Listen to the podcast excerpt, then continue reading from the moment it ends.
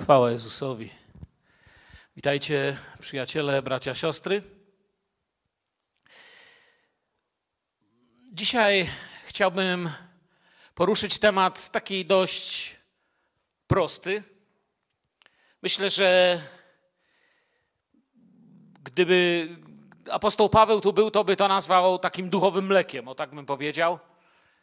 Coś, co wielu z Was, którzy już kilka lat chodzicie z Panem, mam na myśli trochę więcej niż powiedzmy rok, dwa, trzy, to bardzo dobrze o tym wiecie. Wydaje mi się, że nie powiem niczego, co ktoś krzyknie dzisiaj, ojej, to ja o tym nawet nie miałem pojęcia. Ale powiem dzisiaj rzeczy, które być może chciałbym, aby Duch Święty dotknął waszych serc i abyście zobaczyli, czy aby ktoś z nas tego nie zapomniał. Kiedyś się mówiło takie słowa, że jeśli ludziom rozlatuje się ich Biblia, pamiętacie to stare przysłowie? To znaczy, że im się nie rozlatuje ich życie. Dlatego, że ta rozlatująca się Biblia wskazywała na to, że ją czytamy.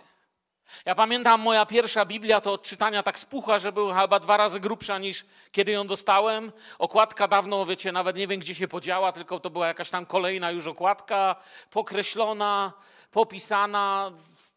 Dzisiaj ją mam gdzieś tam w pudłach schowaną. Ona się po prostu już, y, jak tutaj tu po naszemu, po śląsku mówiąc, kupy nie trzyma. Rozleciała się. Ale nie było tak od początku. Pamiętam, że ta Biblia towarzyszyła w moim domu mi wiele lat przed moim nawróceniem i używałem jej do podpierania drzwi czy to też okna. Wiem, że może kogoś gorsze, może ktoś powie, jej, jakie to straszne, ale nie gorsz się tak szybko. Ja byłem zupełnie nieświadomym człowiekiem. Nie byłem osobą wierzącą, nie miałem o niczym pojęcia. Książka była gruba, ciężka, więc nieźle trzymała okno, żeby go nie zamknął przeciąg i podtrzymywała w tym samym celu drzwi. Miałem kolegę, który był bardzo, bardzo pobożną osobą. Chodził codziennie rano na nabożeństwo, na mszę świętą. Y, był bardzo rozmodlony i on też miał w domu Biblię. Jego Biblia stała obok zaraz takiego, tam taki posążek jakiegoś świętego, już nie pamiętam jaki to był święty, zaraz obok stała e, Maria, a obok miał tą Biblię i tam miał położone kwiatki. Nigdy jej nie czytał, ale ona tam ładnie stała między tymi kwiatkami. Chcę wam powiedzieć, i mi, kiedy podpierałem nią okno, co było bardzo nieładne, i jemu, co może wyglądało bardzo pobożnie, na tyle samo się ta Biblia przydała, czyli na nic. Ani ja, ani on nie czerpaliśmy z tej Biblii tego, co Biblia chciałaby dawać w Twoje i moje życie. I dzisiaj w ten wieczór chciałbym przypomnieć, dlaczego Bóg obdarował nas Słowem Bożym.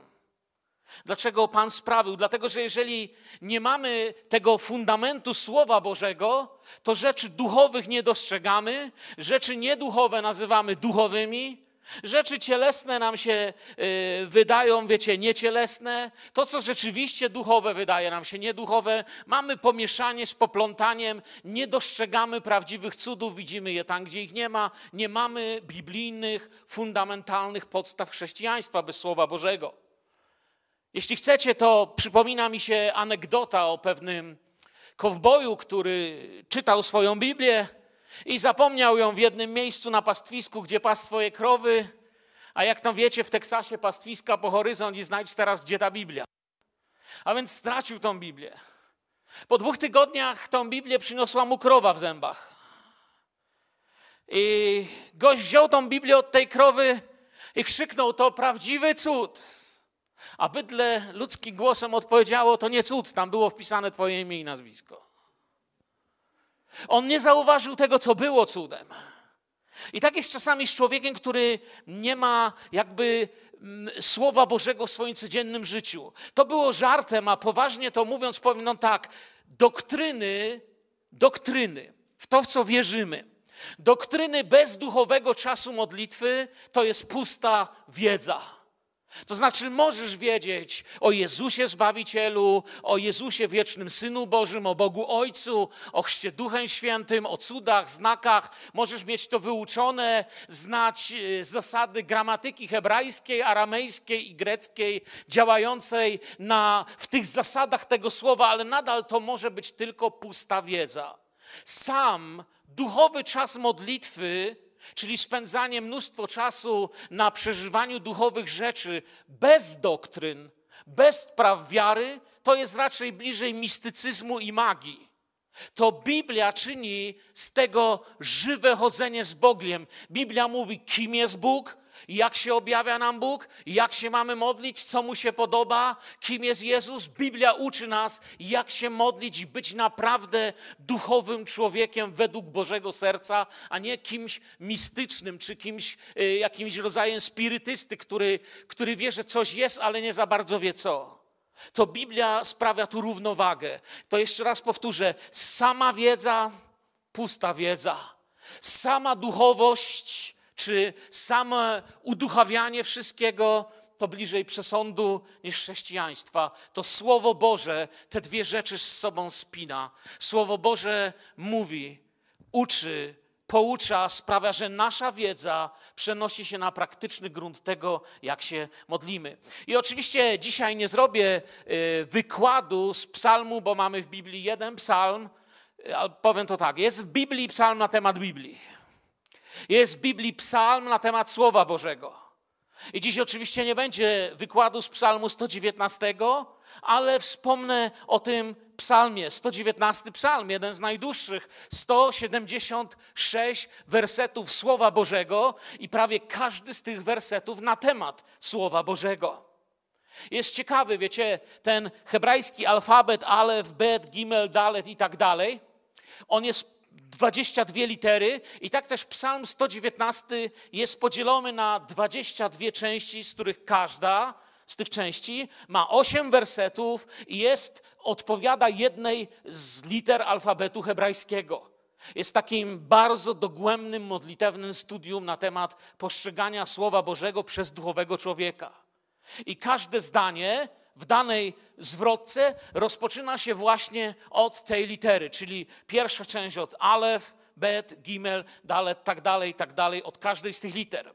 Oczywiście wiem o tym, że Psalm 19 bywa przez to, jak długi jest obiektem żartów, prawda? Mówi się, że jest to najlepszy psalm dla kaznodziei, który nie przygotował się na kazanie. Ponieważ kiedy skończy czytać Słowo Boże, z którego będzie głosił, już musi przerwać i powiedzieć, że za tydzień będzie kontynuował a więc tylko przeczyta tekst i dopiero ma tydzień jeszcze czasu, żeby się przygotować. Ja tego nie zrobię dzisiaj. Chcę Was zapewnić, że jestem gotowy, jestem przemodlony, jestem przygotowany i wierzę, że Duch Święty dzisiaj chce niektórym z nas, z tych z Was, którzy przyszliście dzisiaj tutaj na to miejsce, tych z Was, którzy słuchacie tam przez wideo, gdzieś na wakacjach, na plaży, w ośrodkach czasowych i tym z Was, którzy jesteście sympatykami i słuchaczami naszych wykładów, wierzę, że Bóg chce przypomnieć, jest w Twoim życiu Słowo Boże i ono jest ważne. Jak mówię, ten Psalm 119 tak naprawdę jest takim hymnem dla Słowa Bożego. Opowiada o błogosławieństwie Tory, opowiada w jaki sposób Boże prawo sprawia, że człowiek jest błogosławiony. I kiedy mówimy, że człowiek jest błogosławiony, to możemy mieć jakieś takie połączenie to z czymś takim bardzo religijnym. Mówiąc to bardziej prosto, tak po naszemu, to Psalm 119 opowiada, dlaczego człowiek może być szczęśliwy, kiedy ma Słowo Boże. Słowo to według tego psalmu nie jest ciężarem, nie jest oskarżeniem, jest łaską, jest instrukcją życia. Kiedyś miałem dość skomplikowane urządzenie, kamerę internetową, ale niestety nie miałem do, niego, do niej instrukcji. Wiecie, takie urządzenie wcale nie tak łatwo, ja nie jestem informatykiem przecież, było mi podłączyć bez jakiejś takiej wiedzy. Wiedziałem, że ileś razy trzeba tam nacisnąć, żeby zresetować coś tam, coś tam. I zacząłem poszukiwać instrukcji do tego urządzenia. Okazało się, że jest w internecie strona, która sprzedaje instrukcje. Można kupić instrukcję pralki, odkurzacza, wzmacniacza, samochodu, czego chcecie w PDF-ie można kupić, wpłacając niedużą sumę pieniędzy, tam chyba było dolar 99 i oni przysyłają instrukcje, tym się zajmują. Okazuje się, że ludzie bez instrukcji, czasami kiedy coś jest skomplikowane, nie potrafią tego obsłużyć. Oni się zajmowali urządzeniami AGD i elektroniki. Urządzenie jest skomplikowane, ale nie tak skomplikowane jak nasze życie. Amen. Nasze życie jest bardziej skomplikowane. Potrzebujemy instrukcji, jak ją obsłużyć. Ta instrukcja została nam dana i z jednej strony jest nam dana za darmo, nie trzeba nawet tego dolar 99 zapłacić. Dzisiaj żyjemy w takich czasach, że gdyby jakiś człowiek naprawdę nie miał nawet złotówki, żeby kupić sobie Biblię, to i tak od połowy z was mógłby ją dostać za darmo, bo macie w domu dwie. Dobrze mówię? Jest tak, nie? Mamy, ja mam w domu więcej niż jedną, a wy? Ja nie wiem, w domu chyba 30 mam. Różnych tłumaczeń. I oczywiście korzystam z tego dobrobytu i sobie mogę czytać taką, taką. Mam taką wodoodporną, mam, mam wersję wojskową, no, no co tylko. Ale gdyby trzeba było, gdyby ktoś powiedział, nie mam grosza, potrzebuję, to mam. Często w zborach, w korytarzu leży jakaś Biblia. Nowy Testament można dostać nieomal za darmo w wielu miejscach, ale ta instrukcja wiele kosztowała. Jak mówię, nie jest za dolar 99, ale wielu ludzi spłonęło na stosach, wielu ludzi wykończyło się w więzieniu, wielu ludzi zapłaciło życiem za tą wolność posiadania Słowa Bożego, którą mamy. Bóg chce, abyśmy mieli to Słowo. Życie jest dużo bardziej skomplikowane niż urządzenia AGD, a Słowo Boże to jest instrukcja. Nieraz słyszałem, jak ewangeliści i kaznodzieje mówią, że najlepszym serwisantem Mercedesów jest Mercedes. Najlepiej serwisują, nie wiem, Renault w Renault. Najlepiej serwisują Fiata we Fiacie. I najlepiej serwisuje człowieka ten, kto go stworzył. Kto zbadałem Cię i znam. Wiem, kiedy siadasz, kiedy wstajesz. Znam Ciebie, wiem, kim jesteś, mówi Bóg. I On najlepiej nas serwisuje i daje nam instrukcje. I nie dziwię się, że ten wielki psalm 119 chwali Słowo Boże i poleca. W tych 22 zwrotkach psalmu znajdujemy opis tego, co przeżywa się ze Słowem Bożym przed Bogiem. Uwielbianie, chwałę dla Niego, ufność, wdzięczność, to wszystko tam znajdziecie. Dziękczynienie, prośby, błagania, a nawet skargi. Zróbcie sobie takie 22 dni albo na połowę, rano i wieczorem z tym psalmem. Zobaczcie na niego, nie czytajcie go szybko, przeczytajcie właśnie tymi podziałami. Nie wiem, w mojej Biblii nawet są, jest ten podział, występuje, sprawdzałem w mojej papierowej Biblii, to jest ten hebrajski podział. Zróbcie sobie, zobaczcie, ile o Słowie Bożym Bóg potrafi powiedzieć. A to jest przecież natchnione Słowo Boże. Mamy też całą, jak, jak go będziecie tak spokojnie czytać, zobaczycie całą galerię synonimów. Czyli Słowo Boże nazwane na wszelki możliwy inny sposób. Zobaczycie, jak pisze tam Twoje przykazania, obietnice pańskie, ustawy Jahwe, prawa, napomnienia, postanowienia, wyroki, a wszystko to Psalmista ma na myśli Słowo Boże, które przemawia do mnie i do ciebie. Jest mnóstwo ciekawych czasowników, które uczą nas, jak traktować i co się dzieje z nami w czasie czytania Słowa Bożego. To są te czasowniki odnoszące się do naszych relacji, reakcji na Słowo. Miłować Słowo Boże, Twoje prawa, Twoje ustawy, tam pisze, rozważać, przechowywać, strzec, rozumieć, pojmować. To wszystko mamy tam zapisane. Psalm 119, zobaczcie, 80, 82 werset, trzy wersety. Oby serce moje było nienaganne w ustach Twoich, abym nie był zawstydzony. Dusza moja tęskni do zbawienia Twojego. Oczekuję słowa Twojego. Oczy moje tęsknią do obietnicy Twojej, mówiąc, kiedy mnie pocieszysz. Trzy wersety, a można by było nad nimi spędzić cały dzień takiego rozważania, rozmyślania i modlenia się nad Słowem Bożym. Nie wiem, czy na pierwszy rzut oka dostrzegacie, co tam pisze. Gdyby te wersety opisywać, to te, te, nie ma już tego, te, te trzy przepiękne wersety, które, które tam mamy, to dostrzeżecie w nich nienaganne serce, które doświadcza łaski przez Słowo Boże.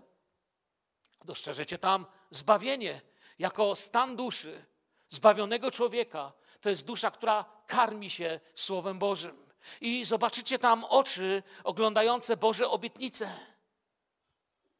I to wyznanie, kiedy mnie pocieszysz. Pełne takiej miłosnej, w cudzysłowie, niecierpliwości. takiej pięknej niecierpliwości. Nie wiem, jakie jest lepsze słowo na to. Takiej, jak powiedziałem, dobrze powiedziałem, miłosnej. Coś jak przyjdź, Panie Jezu. Zabierz mnie do siebie, jak w pieści nad pieśniami woła oblubienica.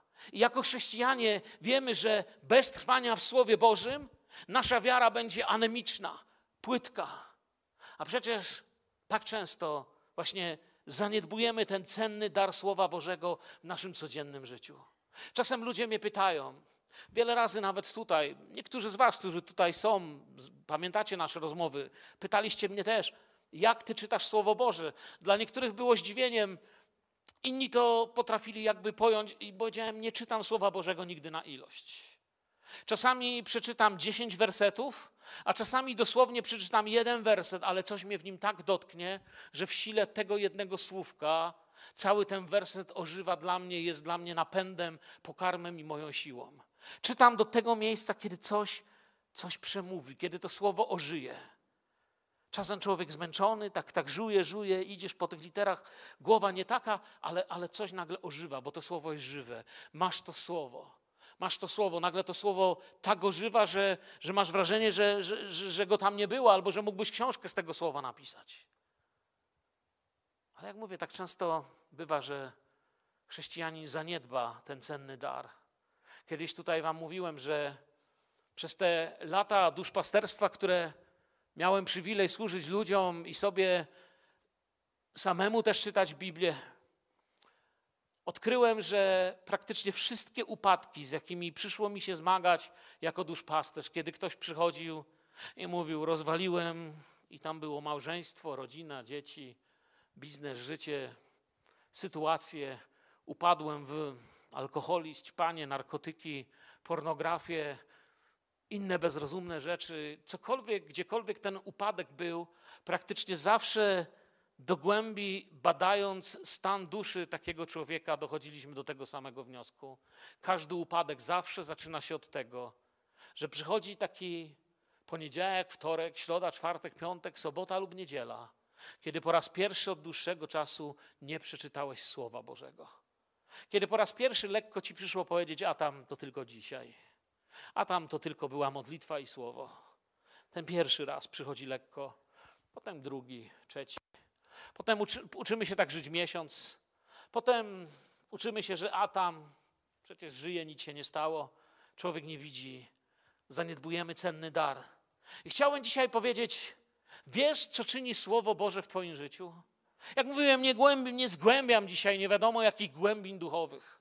Zdaję sobie, że ktoś może dziś powiedzieć po dzisiejszym nabożeństwie, wiesz, to było takie trochę jak na szkółkę, jak, jak no takie dla początkujących, ale myślę, że właśnie w ten sposób powinniśmy sobie pewne rzeczy przypominać. Chciałbym pokazać takich 12 powodów. Czyli zobaczcie, jeden na cały miesiąc do rozmyślania. Czy akurat jak to u mnie wyszło, 12 punktów. Co czyni Słowo Boże? I zobaczysz, że każda z tych rzeczy, gdzie się przyglądasz temu Słowie Bożym, jest Ci potrzebna. A więc po pierwsze, Biblia pozwala nam poznać i lepiej i doskonalej kochać Jezusa. Czy, nie to, jest, czy to nie jest to, czego chcemy? Jana 5,39 mówi: badacie pisma. Zobaczcie, oni badali pisma. Ktoś badał pisma. Wiemy, że chodziło o uczonych w piśmie i faryzeuszy. Badacie pisma, bo sądzicie, że macie w nich żywot wieczny. Nie, one składają świadectwo o mnie. Biblia pozwala nam lepiej kochać i poznawać Jezusa. Biblia jako księga nie jest zbawienna. Tak jak mówię, u mnie służyła jako podpórka, u kolegi stała pomiędzy kwiatkami i tam posągiem, który był dla niego bardzo ważny. Ale Biblia jako księga nie jest zbawienna. To nie jest jakiś fetysz. To nie jest jakiś symbol na szczęście. Chrześcijaństwo nie bawi się w czterolistne koliczynki. To nie jest coś na szczęście, to jest żywe słowo Boga wcielonego. Jest zbawienne, kiedy żyje i przemienia nasze życie. To tam zobaczyć możemy Jezusa, takim, jakim Jezus chce, byśmy go widzieli. Jeżeli chcesz widzieć Jezusa, nie takim, jakby chciał świat, żebyś go widział, politycy, czy jakaś sekta, albo jakiś kult, albo nawet jakaś denominacja, która sobie wybrała, jaki jest ten ich Jezus. Jeśli chcesz zobaczyć Jezusa rzeczywiście, jaki jest, to Słowo Boże go przedstawia. Tora, Nevim i Ketubin, czyli Tora, prorocy i pisma, przedstawiają go. Nowy Testament przepięknie opisuje jego służbę, jego drogę od Betlejem do krzyża i do Ojca od Tory przez pisma i proroków do Nowego Testamentu zapowiadany, wskazywany, objawiony jest nam przez Biblię. I dlatego Biblia jest ważna, będziesz mógł go lepiej kochać. Ewangelie pokazują nam od urodzenia do jego śmierci, przez zmartwychwstanie, w niebo wstąpienie z obietnicą powrotu. Jak widzieliście, jak odchodził, tak zobaczycie, jak przyjdzie. Wiecie, Powiem tak, nie ma większej szansy na spotkanie w prawdziwy sposób Jezusa niż w tej księdze i przez nią. Amen. Jeżeli ktoś naprawdę zwiastuje ci Jezusa, to zaraz za jego zwiastowaniem dostaniesz od niego werset albo nawet słowo Boże. Po drugie, Biblia kieruje naszą nadzieję na Boga. A więc chcemy znać Jezusa, ale musimy czerpać w tym nadzieję, by nasza wiara żyła. Kieruje naszą nadzieję na Boga, bez względu na to, co się dzieje w naszym życiu. Rzymian 15:4 nam wskazuje, wiecie, każdą z tych praw, którą czytam, mógłbym popierać, nie wiem, dziesięcioma czy piętnastoma wersetami, byśmy tu mogli siedzieć do 23. Dlatego daję jeden. Cokolwiek bowiem przedtem napisano, dla naszego pouczenia napisano abyśmy przez cierpliwość i przez pociechę z pism nadzieję mieli. Kiedy widzisz nad światem beznadzieję, Duch Święty dziś pokazuje Ci, gdzie jest źródło nadziei, której Ci ostatnio brakuje. Biblia również daje nadzieję. Słowo Boże to fundament pod naszymi nogami. Bez względu na czasy Bóg mówi: Moja nadzieja jest tutaj dla Ciebie. Czas depresji, czas cierpienia, wojen, prześladowań kiedy Żydzi szli jak baranki na rzeź. Księga Daniela prowadziła Żydów przez najkrwawsze prześladowania wszelkiej maści antychrystów i imperatorów. Mamy Boga, który, że tak się mm, troszkę może poetycko tu wyrażę, bo wiemy, że Biblię napisali ludzie natchnieni Duchem Świętym, ale mogę tak ładnie to powiedzieć, że mamy Boga, który napisał księgę, abyśmy mogli być ludźmi z nadzieją i głupotą byłoby nie skorzystać z tego daru. Po trzecie, Biblia prowadzi nas do szczęścia w Bogu. Celowo nie mówię do błogosławieństwa, bo nam się to rozmywa w tym języku chrześcijańskim, do którego przywykliśmy. Do szczęścia. Psalm pierwszy, jeden, dwa, pierwszy, drugi werset mówi: Szczęśliwy mąż, który nie idzie za radą bezbożnych, ani nie stoi na drodze grzeszników ani nie zasiada w gronie szyderców, lecz ma upodobanie w zakonie Pana i zakon Jego rozważa dniem i nocą. Szczęśliwy, błogosławiony jest taki człowiek. Szczęście w Bogu to nie jest jakiś rodzaj, nie wiem, kościelnej propagandy. Nawróć się, będziesz szczęśliwy. To nie to. To nie o tym tu Bóg mówi. Bóg objawił Jego słowo. I tam objawia swój charakter, plany, zasady działania. Szczęśliwy, błogosławiony, uciszony jest taki mąż. Zna Jezusa, czerpie nadzieję. A ona jest dla niego błogosławieństwem przez Słowo Boże, która prowadzi nas do pełni radości, jak mówi yy, Psalm 16. Pełnia radości tam jest, rozkoszowanie się Bogiem na wieki. Szczęście, które zapowiada Biblia, jest na niej oparte. Nie jest szczęściem ulotnym, które jest tam, ale nie wiadomo jakie. Jest na niej oparte, niezmienne, trwałe, jak Bóg, który je napisał i który sam jest naszym największym skarbem.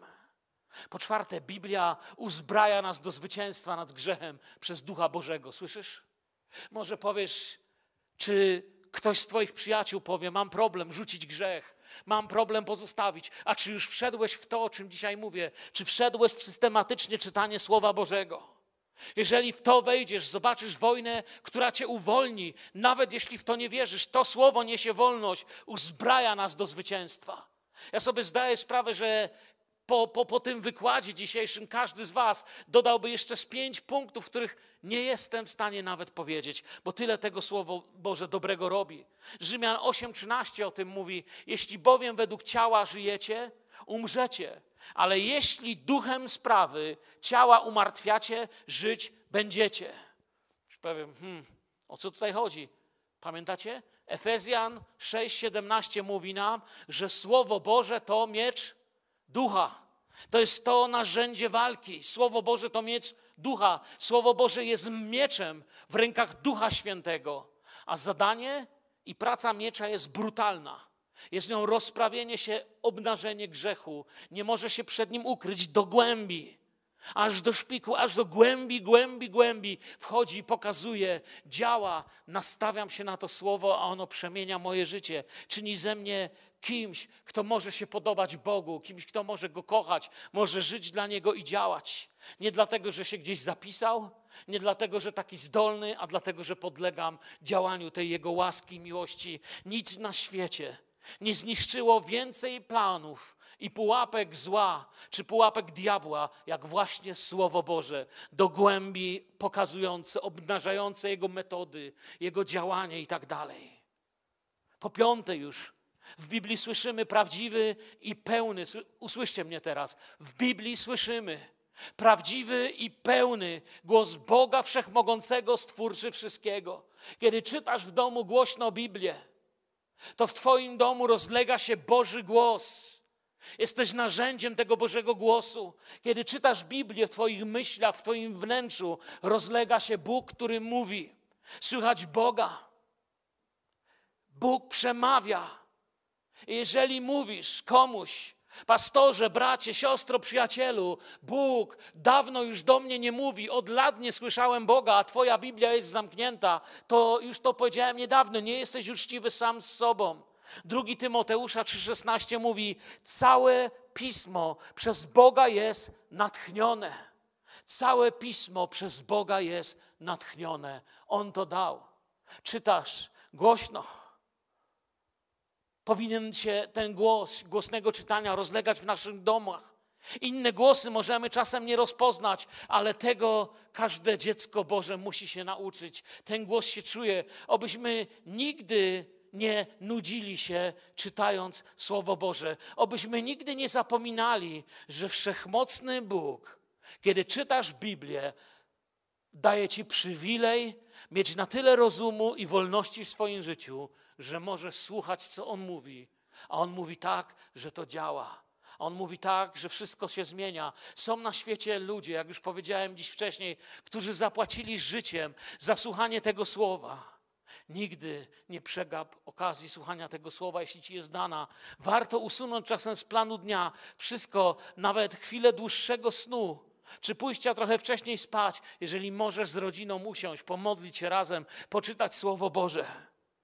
Do, bo tego, którego dziś słuchamy, tego, którego dzisiaj czytam Słowo i zastanawiam się, co do mnie mówi, pewnego dnia zamkną się moje oczy i stanie moje serce ale choćbym i umarł, to żyć będę. Pewnego dnia tego, który dziś do mnie przemawia, spotkam go. Tego, który zbawił mnie przez swoją łaskę, którego krwią, którego krzyżem, którego ranami i sińcami, zbawiony, oczyszczony i wyrwany z grzechu. Tego, który wydźwigał ten ciężki krzyż na wzgórze Golgoty. Tego, który odchodząc mówił, idę przygotować wam miejsce. Tego, którego słowo mogę dziś czytać. Pomyślcie, spotkamy Go twarzą w twarz i zamieszkamy w domu Pana po wszystkie dni. Co wy na to? Chwała Bogu. Po szóste, Biblia jest darmowym kursem życia, prowadzonym przez samego Boga. Tak mi to przychodzi do głowy, widziałem w gazecie kurs taki, taki, taki, dużo kursów teraz jest. Drugi list Tymoteusza 3,16 czytałem wcześniej, że całe pismo przez Boga jest natchnione. Teraz powiadam, Biblia jest darmowym kursem od Pana Boga i pożyteczne do nauki, do wykrywania błędów, do poprawy, do wychowywania w sprawiedliwości. Jeśli Bóg mówi, a Jego słowo jest pożyteczne do nauki, to musimy iść codziennie do tej klasy, na tą lekcję, pod tą profesurę, pod tą katedrę samego Boga. I to za darmo. Słuchajcie, mniej ważne kursy czasami są dużo droższe. Wiecie, ile niektóre kursy kosztują tysiące? Są kursy, za które trzeba 15 tysięcy dać, widziałem. A Bóg mówi: Masz, ucz się. Rzeczywiście Bóg dał nam swojego ducha, aby nas nauczyć, kierować w swojej ukrytej mądrości, jak mówi o tym w 1 Koryntian 2, chyba 7 do 10. Mówi, chcę was prowadzić w tej mądrości. Słowo Boże nie jest żywym, chcę, żebyście teraz mnie usłyszeli. Słowo Boże nie jest żywym Słowem Bożym, gdy wybieramy sobie pasujące nam wersety i te wersety muszą się dostosować do tego, co ja chcę. To jest manipulacja. To nie jest wtedy, nie pozwalamy temu słowu być żywym słowem. Słowo Boże staje się żywe, skuteczne, gdy może konfrontować moje życie z prawdą Boga, czyli inaczej, gdy nie przyjmuję je, wieszając sobie wersety, który mi pasuje, ale przyjmuję je takim, jakim jest, tak jak Bóg mówi na każdy temat. Bo czasami przyjmujemy je, że Pan Bóg ma o nas dobre myśli, to nawet mamy na ścianie. Ale czasami Bóg mówi, bym coś robił albo czegoś nie robił, ale ten fragment omijamy. Ludzie nie chcą danego fragmentu, bo on może poruszać coś z dziedziny, czy to ich moralności, czy to tego, jak pracują, czy jak życie seksualne, czy małżeńskie prowadzą. Słowo jest żywe, kiedy pozwalam temu słowu być wypowiedziane w prawdzie, tak jak mówi Bóg, a nie kiedy sobie wybieram, co będę słuchać, a czego nie będę słuchać, z czym się zgadzam, z czym się nie zgadzam. Już byli tacy mądrzy, co próbowali usunąć. Jedni chcieli usunąć to, inni tamto. To może nie jest temat na dziś. Po siódme, Biblia oświeca nas w dziedzinach, w których musimy się rozwijać, dzięki czemu możemy być przemienieni na obraz Chrystusa i pouczeni, jak go naśladować. Zobaczcie, dlatego Biblia jest taka ważna. Dlatego w naszym zborze musimy być ludźmi, którzy czytają. Musimy być ludźmi, którzy spokojnie, z czystym sumieniem przychodzą tutaj środy, niedzielę którzy wychodzą do przodu po modlitwę i wiedzą, Panie, ja jestem pełny Twego słowa, trwam w nim. Niedawno jeden z braci się mnie spytał, jak to doświadczyłeś, że Bóg kiedyś powołał was na misję, że tyle lat byłeś misjonarzem.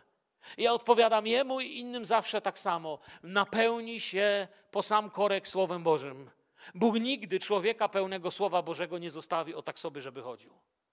Jeśli się będziesz tym słowem napełniał, to natychmiast w jakiś sposób Bóg cię powoła do służby. Jeśli będziesz suchy, pusty, wgnieciony jak pusta butelka do środka, z resztkami wilgoci, pary, resztek Słowa Bożego sprzed lat, to ani sam nie będziesz chciał służyć, ani cię o, własną, o służbę też nie, wielu ludzi będzie prosić, chyba że nie będą wiedzieć, że, że nie ma o co prosić.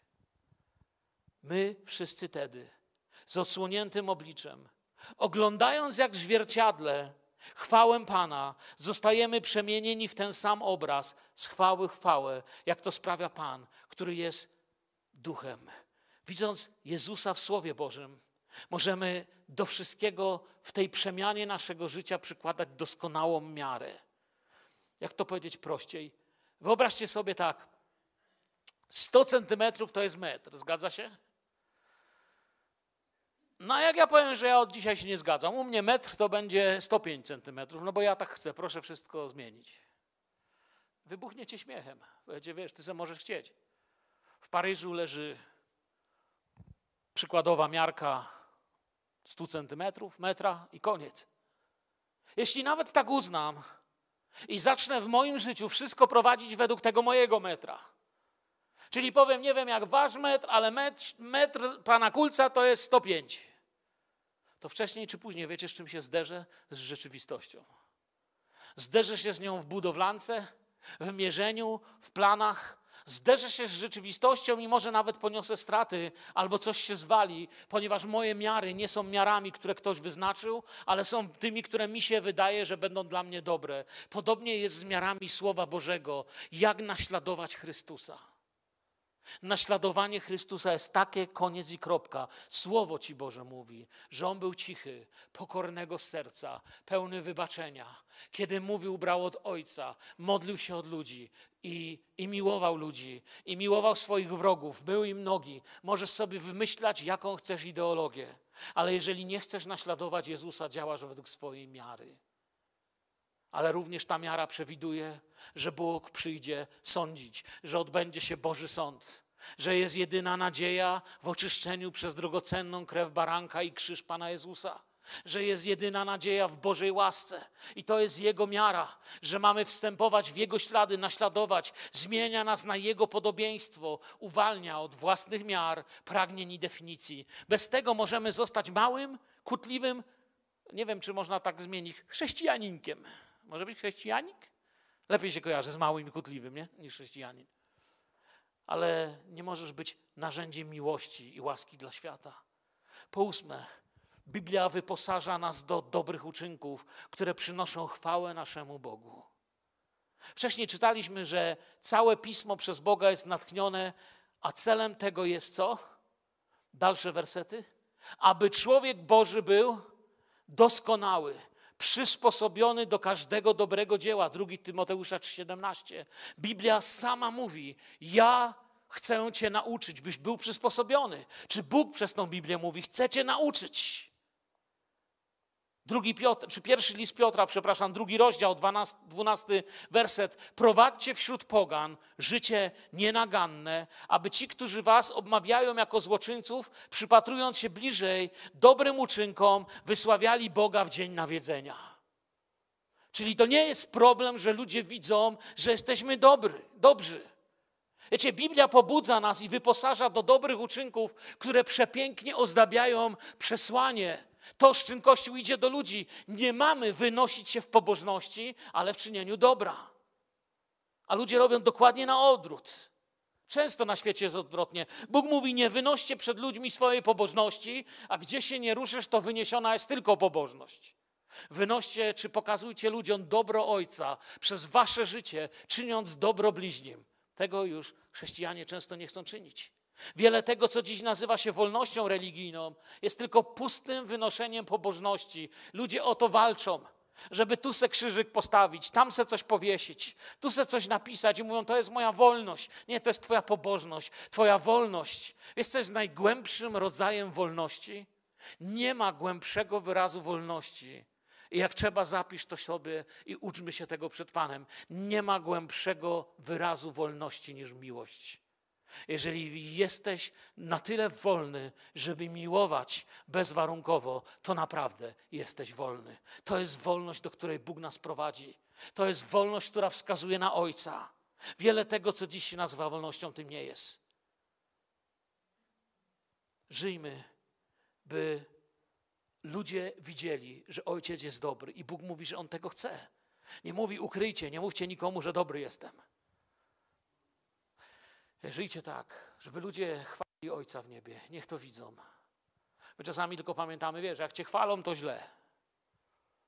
Nie mają Ciebie chwalić. Czasem ludzie mogą nas chwalić. Mnie się zdarzyło, że komuś coś dobrego zrobiłem, nie chwalił, ale nie pozostawiłem go w niewiedzy. Często powiedziałem, to co mogłem zrobić, zrobiłem dlatego, że, że Jezus, że mój Pan, że mój Pan i tak dalej. Po dziewiąte, Biblia produkuje zdrowe i szczęśliwe relacje, małżeństwa, rodziny, wspólną służbę. W kościele, w którym ważne są biblijne zasady, nie ma wielu problemów. Tutaj brat niedawno w czasie kazania wspominał o Samarii, która była oblężona. Pamiętam, że tam w Samarii zjadano ludzi kiedy przyszedł taki głód, że już nie było co jeść, to ludzi zaczęli zjadać. I podobnie jest w kościele. Kiedy przychodzi głód i nie ma Jezusa, to ludzie zaczynają gryźć jeden drugiego i pojawiają się spory w zborze.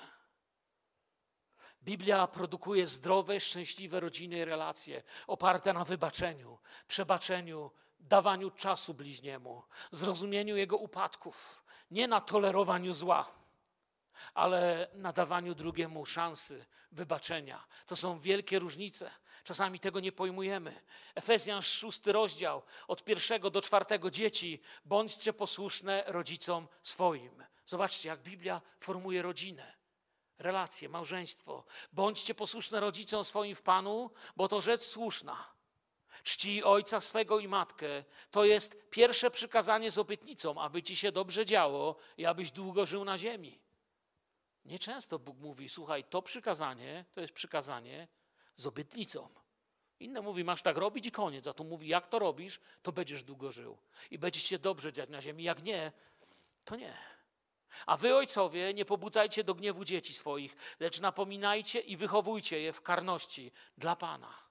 I tak dalej, i tak dalej mógłbym czytać. Sami wiecie, że jest dziesiątki wersetów, które mógłbym znaleźć, które wprowadzają w nasze rodziny dobro, łagodność, dyscyplinę, wybaczenie, cierpliwość, czekanie, modlitwę, czasem przez łzy oczekiwanie ale Bóg nas form, formuje. Usuń Słowo Boże, zacznie się wszystko rozpadać. Bez Biblii nie mamy pojęcia, jak szanować. Bez Biblii nie masz pojęcia, jak słuchać. Bez Biblii nie masz pojęcia, jak czcić rodziców. Oczywiście w sposób, który podoba się Bogu, mam na myśli.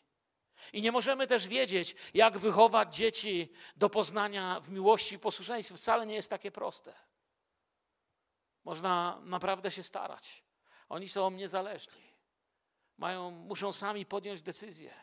Są rzeczy trudne, które kładę przed Bogiem, które Jemu powierzam. Wiem jedno, bez Biblii nie mam już żadnych szans. Nasz zbór będzie o wiele zdrowszy, będzie miejscem szczęścia, wolnym od goryczy i sporów, gdy zrozumiemy wagę Słowa Bożego i posłuszeństwa.